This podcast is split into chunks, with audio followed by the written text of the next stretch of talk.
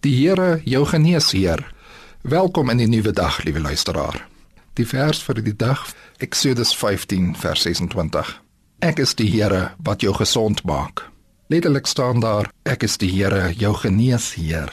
Jahwe Rafa. Hier geskied 'n baie belangrike openbaring.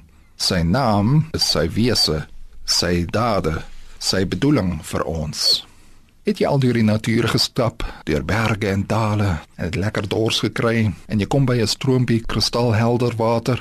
Water kan skaars meer verfrissend smaak as uit 'n natuurlike bron, nie waar nie?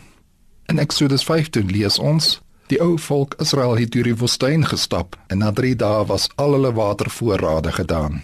Van hulle het seker al begin van hitte flou word.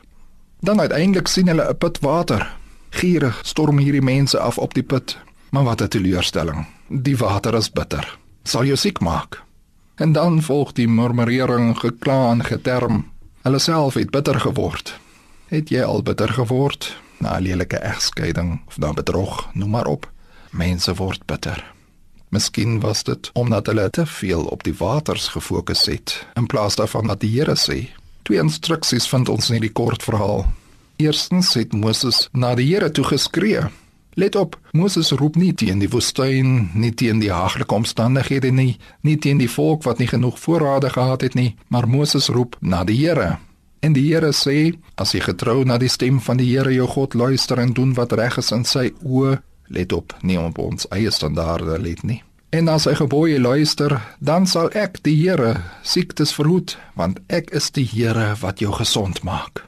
En dan die verdere instruksie wys die Here vir Moses 'n sekere boom wie se hout hy dan in die water moes gooi. Ons lees dan dat die water soet geword het en hulle almal het genoeg gekry.